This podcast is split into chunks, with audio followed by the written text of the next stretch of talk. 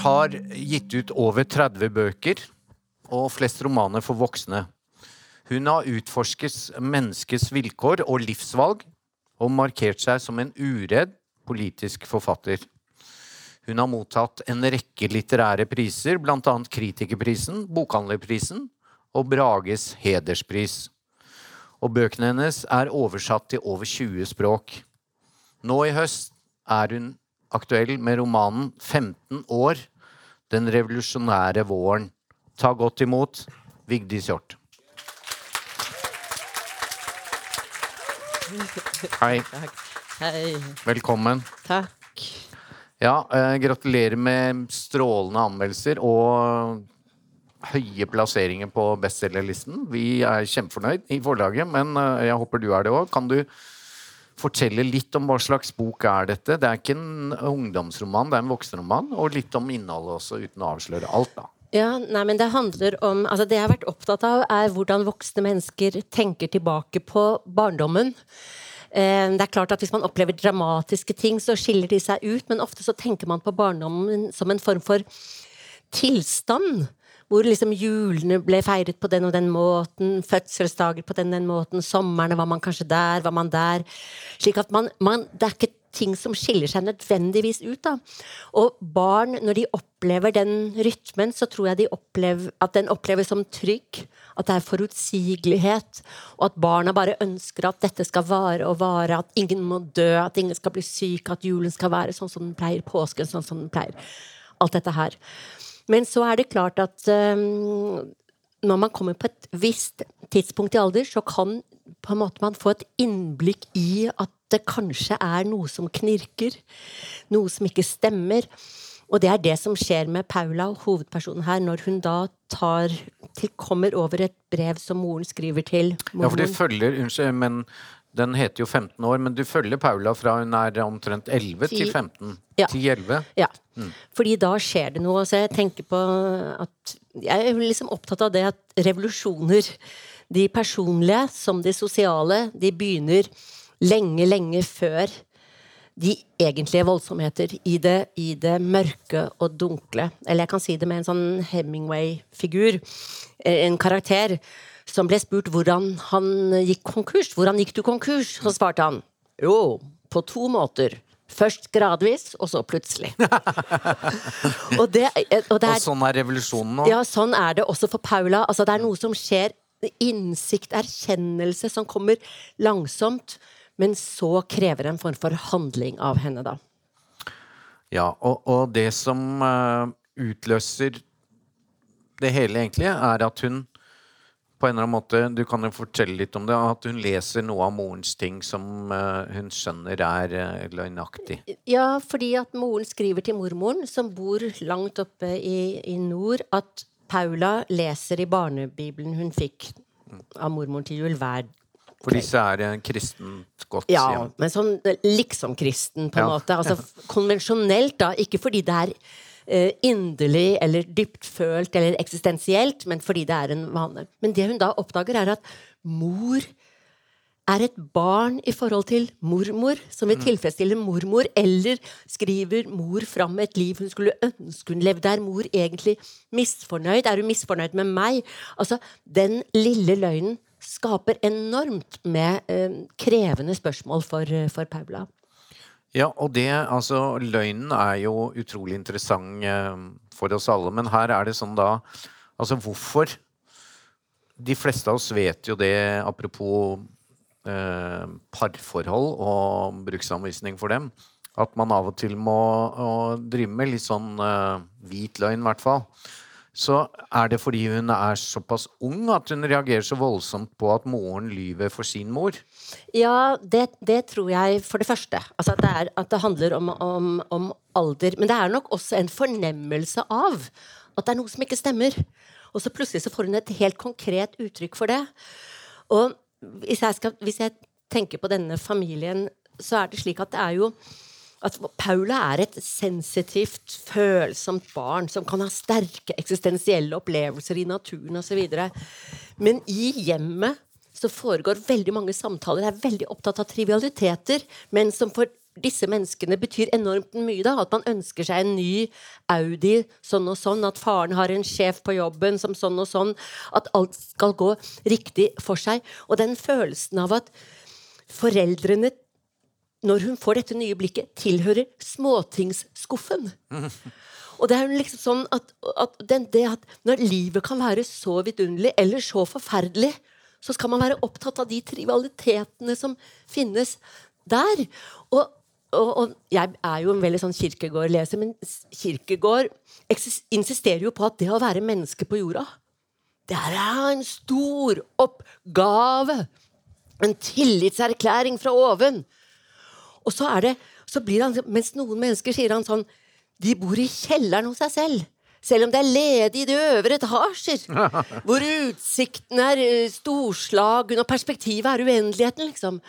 Og hvis du har den sånne opplevelser, og så kommer du hjem, og så er alt handler om småtingsskuffen, så blir det ønsket med sånne sånn nesten ut utholdelig, så hun kommer i en sånn jeg vil kalle det en eksistensiell eh, men, men jeg tenker, eh, De fleste av oss eh, tenker, tror jeg, litt som meg da jeg leste, at nå er det Vigdis Hjorth, så her er det sikkert en skandaløs løgn eh, ikke sant, som avslører hele morens et eller annet sånn.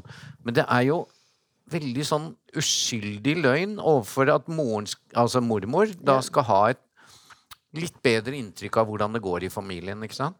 Jo, det kan være fatalt nok, men altså, tenker på Brest skriver et sted altså at vi tror av og til at det er de store slagene som gjelder. Brest skriver Haiene unnslapp jeg. Tigrene jaktet jeg. Oppspist ble jeg av vegglusen. Og det er jo nettopp det. Altså det som skjer i det små hver dag, mm. det er jo det som egentlig, egentlig teller, da. Eh, så, så, så jeg eh, Nei, jeg også tenker jeg også at det, det er en mangel på selvsamtale som disse foreldrene har, og som jeg tenker at er enormt viktig. Det er selv, menneskets selvsamtale. Og det skriver um, Solstad om i den hjemmekontorboka, om hvordan hans hjemmekontor er å drømme. Og det er f.eks. en drøm som lærte meg at når jeg møter et menneske jeg umiddelbart føler veldig stor antipati mot, så er det en som ligner på meg. altså, hun, ser deg, så snakker og snakker og står her og gjør seg til. Så, så, i en drøm så bare forstår jeg det. Og det er liksom at, at, da, at det er fordi jeg ser ubehandlede sider hos meg selv, ubevisste sider hos meg selv. Og den selvsamtalen er enormt viktig, slik at alle, særlig mennesker med makt, burde spørre seg selv hvorfor vil jeg egentlig bli president i USA? Og når jeg ser mine venninner som begynner å bli gamle i likhet med meg selv, når jeg hører de fortelle om seg selv til nye bekjentskaper, så hører jeg hvor mye de lyver. Hva de ikke forteller, hva de særlig legger vekt på. Og det der med hvordan skal vi utvikle oss hvis vi ikke har den selvsamtalen, og det er den selvsamtalen disse foreldrene ikke har. Og for et sånt vitebegjærlig mm, ung kvinne som Paula, så blir det fantalt. Men hun kommer jo når hun blir tvunget til konfirmasjonsundervisning ja, vi, vi, skal tilbake til konfirmasjonen, men du, du, har jo også skrevet om Ibsen, og det er jo én figur man tenker mye på her, altså Greger Sverle, og, og altså tar du livsløgnen fra noen, så ja. Og da er du Ikke sant, Paula er veldig opptatt av sannheten, men blir vi lykkeligere av den, da? Nei, men du kommer i Nei, men lykke er ikke så viktig som det å Jung sier at Oppgaven er å skape bevissthet. Altså bli klokere. Altså, hvis lykken er dyrekjøpt eller basert på feil ting, men det å forstå seg selv eller forstå andre, det er jo det gir for det første så gir det en lykke som er inderligere og dypere enn den når du plutselig forstår noe, selv om det du forstår, er en vanskelighet. Så kommer du, altså Det å utvikle seg er jo den største lykke for et, et menneske. Det dyret som mennesket er, med denne utrolige evnen til til å, å, å, bli bevisst og forstå sin situasjon. Da. Men det er klart at det, sånn som Gregers uh, Værli som vil sannheten for enhver pris For han ser for seg at når Hjelmer, Ek, Hjalmar Ekdal forstår at konen egentlig ble gravid med faren, han faren og at uh, Ekdal ikke er faren til Hedvig og osv., så, videre, så ser han for seg at det skal skje en menneskelig utvikling hos, hos, eh, ja, eh, hos Ekdal. Men det, det, skjer jo ikke. Og jeg har jo selv opplevd utroskap i nær, eh, i nær omgangskrets, hvor jeg har sett liksom, en mann bli bedratt på den måten at han holder på å gå til grunnvann, han skjønner at noe er galt. Og jeg tenkte noen må fortelle ham det. At han ikke vet hvilket landskap han befinner seg i. Jeg satt med henne og skrev liksom et anonymt brev på maskin. Liksom sånn. Men jeg sendte det ikke fordi jeg var redd for nettopp at mm. Tenk om han da skyter kona? Mm. Eller plutselig tar, eh, skyter seg selv. Og da sitter jeg, så det, hvis du skal fortelle ubehagelige sannheter, så følger det et ansvar med. Og kanskje en krevende, krevende oppgave. Det jeg syns er utrolig interessant i denne boken, er at du skriver veldig ofte om forhold til mor. Men her blir det forhold til mor som har forhold til mormor. Mm. Altså du får sånn dobbel uh, morsgreie. Uh, og nettopp det spillet mellom to-tre generasjoner, da. Mm, men det er jo slekters gang, som vi har hørt ja. om Ingeborg eh, ja. fortelle om i dag. Så, så, vi blir jo aldri fri. Vi begynner jo aldri, på, begynner jo aldri på start. Men akkurat den generasjonen som jeg skriver om av mødre, da, det er jo, Jeg så en sånn der, en utstilling med feministisk kunst på henne i Onsdag kunstsenter for ikke så lenge siden. Fra 70-tallet. Og der var det en som het video som het 'Kjøkkenredskaper'. Så sto det en sånn hemmafru med sånn permanentkrøllet hår og forkle. Og så sto det da ja, eggedeler. Så ser du hun sånn. Og så var det gaffel. Øse. Kniv. Som viser jo at det er ikke tilforlatelige redskaper på et, på et kjøkken, og at at den, trang, den, trange livsformen som kvinner var henvist til der, at den hadde en slagside som hadde med aggresjon eller undertrykket aggresjon å gjøre. da. Mm. Altså, Paula er eh, Hun har eh, både en søster som det er en viss sjalusi i forhold til I hvert fall i de løgnene som går til mormor. Og hun nevnes veldig lite, men søsteren nevnes i veldig positive ordelag som jo også er løgn. Så, så liksom, hva tenker du rundt søskensjalusien her? ja, du har meg dit. Nei, men det, det, tror jeg. Jeg tror, ikke, jeg tror, ikke, det er så viktig. Fordi eh, Elisabeth, som storesøsteren heter, hun er, jo, hun er jo på en måte godtar på en måte dette regimet. Og har, ser ikke ut til å ville ut av det. Og der hvor Paula liksom tenker at kan hun være en sånn alliert, så skjønner hun fort at det kan hun ikke, fordi hun syns moren har Hun har ikke gjennomskuet noe, da, på en måte. Ja. Eh, men nå, nå, opplever jo søsken foreldre det veldig, veldig forskjellige. Og, og, at det er, alltid er liksom sjalusi, og at man måler Akkurat det har vi jo lest noen bøker om. Du har lest det, ja, ja, ja nettopp. Ja. Men jeg tenker på, jeg har bare lyst til å si en ting som jeg syns er veldig sånn eh, en en bok av Sigrid Undset. Um, um, fru Märtha Auli, hennes debut, faktisk, som handlet om at hun um, Om en trekantdrama. Veldig moderne roman. Uh, og så, når alt er slutt, trekantdramaet er slutt, så står det en episode, alt er avklart, som egentlig ikke hører hjemme i romanen, men som egentlig er i hennes debutverk et credo for hele forfatterskapet. Så sier hun jeg kom til å huske den gangen jeg jobbet som lærer, om den lille piken som kom til å løpe ut i gaten og ble overkjørt av en ølvogn. Og hun ble så skadet i armen at vi måtte ta henne inn og ringe etter en lege. og Hun lå på lavværelset, og vi bandt masse håndklær rundt armen. Men hun dro og slet i disse håndklærne for å få det vekk, og sa 'Jeg vil se hvordan det ser ut'. Og det er et credo for Sigrid Undsteds forfatterskap. Mm. Men det er også litt der Paula er, da. At hun vil se hvordan det ser ut. Og selv om det er et ubehagelig, så vil man vite hvor man befinner seg, på en måte. Og, og Paula har en annen dramatisk eh, relasjon som kommer i brudd, nemlig at bestevenninnen flytter til Bergen. Mm. Og det, det er liksom voldsomt dramatisk for henne. Ja, det er jo fordi hun mister en som har Som um, representerer et korrektiv til denne småborgerlige småtingsskuffen, da, som har på en måte Hvor det er en, det er en høyere himmel, og det er et korrekt, perspektiv. Og kan jeg bare For nå ser jeg at vi skal avslutte. Nei, nei. Nei, nei, å, det var bare at jeg er så interessert at jeg gidder ikke se på hva jeg har skrevet. Nei, men jeg tenkte bare at det, at, at liksom det, det som jeg tenker på som, som Karen representerer, da, det er jo Altså, jeg er jo veldig opptatt av Søren eh, Kirkegård, som sier dette med at det er en oppgave å bo i kjelleren hos seg selv og sånn. Så satt jeg en gang på Oslo S, så sitter jeg og leser Søren Kirkegård. Men det er en sånn novemberdag, og alle har sånne Ansiktene henger, himmelen henger, alle har lange, grå frakker og sånne og jeg er kjempedeprimert av ulike grunner. Og, sitter sånn. og så leser jeg 'Sykdommen til døden' av Søren Kirkegård. Og så skjønner jeg ingenting, for det handler bare om teologi. Men så kommer det en note. Og i denne lille noten så står det Som skal forklare litt, da. Tenk deg et kjempedigert keiserrike. Landområde på landområde på landområde, og millioner på millioner på millioner av mennesker. En mektig, strålende keiser. Og en sånn liten fattig leilending i utkanten av riket.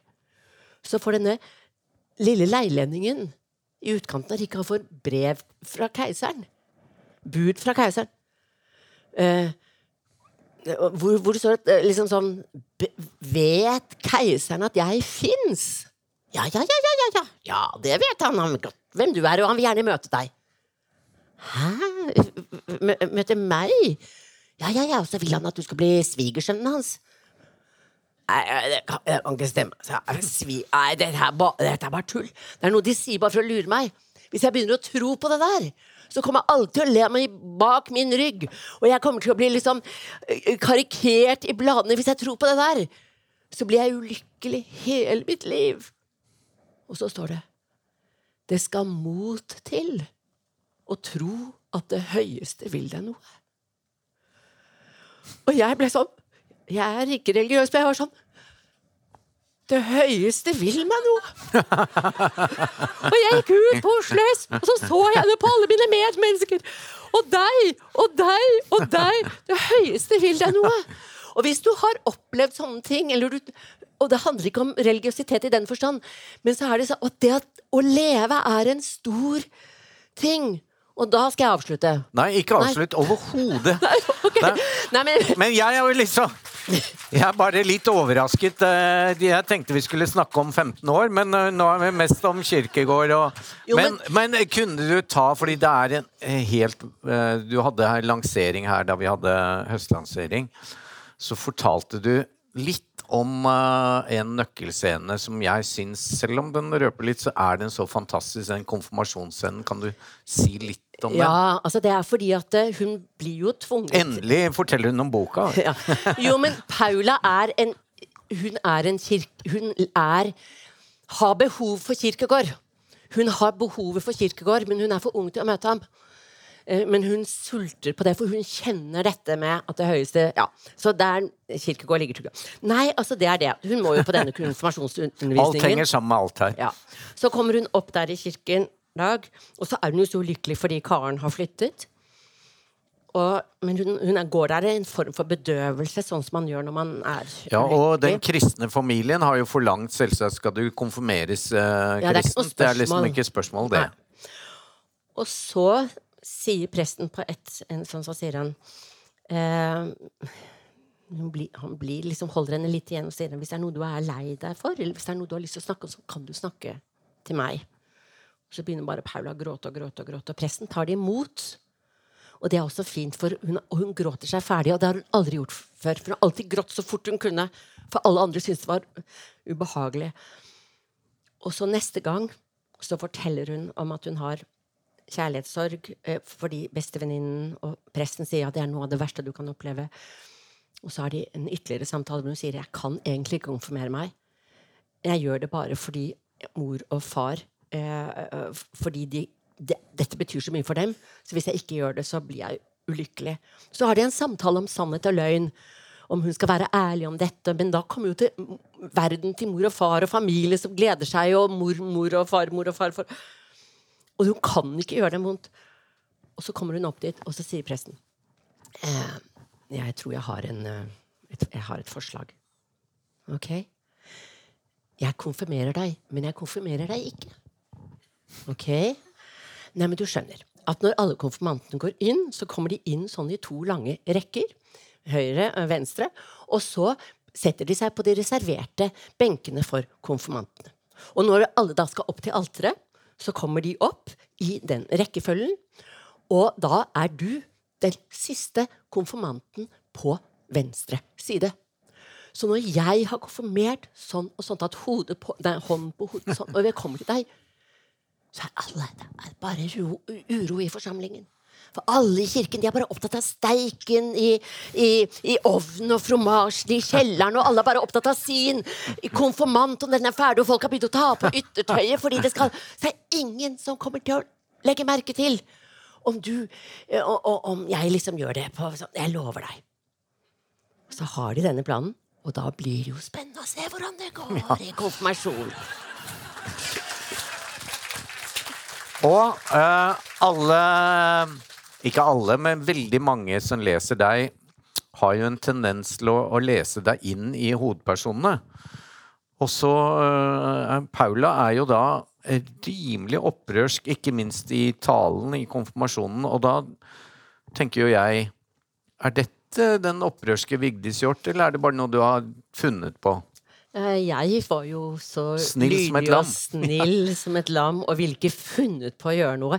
Men da jeg skrev konfirmasjonen Jeg må si jeg er inhabil, men jeg mener at det er uh, ganske spennende høydepunkt i romanen.